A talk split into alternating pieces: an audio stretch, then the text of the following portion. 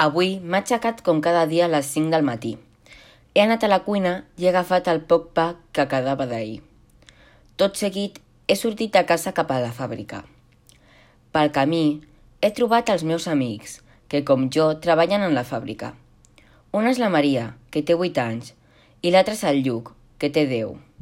Durant el trajecte hem parlat del que ens imaginàvem que ens tocaria fer avui. Un cop vam arribar a la fàbrica, ens vam anar cap a les nostres màquines, que són uns talers molt grans i que fan molt soroll. El primer dia que vaig començar, recordo que em donaven molta por. Ara, com és normal, ja m'he acostumat. La jornada comença i no s'escolta res més que els talers. Pedalegem de manera frenètica amb els nostres peus descalços, que, com és normal, al final de la jornada acaben plens d'estelles. Passen les primeres cinc hores, que amb tanta feina semblen anys. Són el timbre, indicació de que ja podem parar per menjar. Només tenim una hora i l'únic que tinc són els trossets de pa dur que he agafat aquest matí.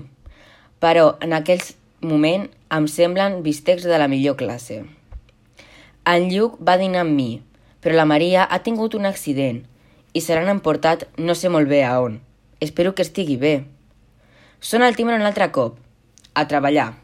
Aquesta hora, en comptes de semblar anys, sembla segons. Ara ve la pitjor part, 10 hores sense descansos. Bueno, nosaltres, ja que els tècnics sí que tenen un altre descans per berenar. Durant aquesta última tirada he relliscat i m'he donat un cop al cap. Ningú ha vingut a dir-me res, però jo notava com queia la sang.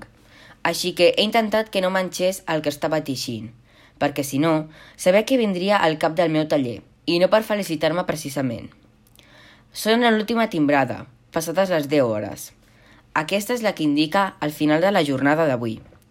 Sorto amb el Lluc i a la sortida ens esperen els nostres pares, que també han havien treballat avui en la mateixa fàbrica. Estem tots molt cansats i només tenim forces per comprar un pa i tornar a casa. Ens el repartim entre tots i el devorem com animals. I, tot seguit, Anem tots a dormir, per repetir l'endemà el mateix procediment.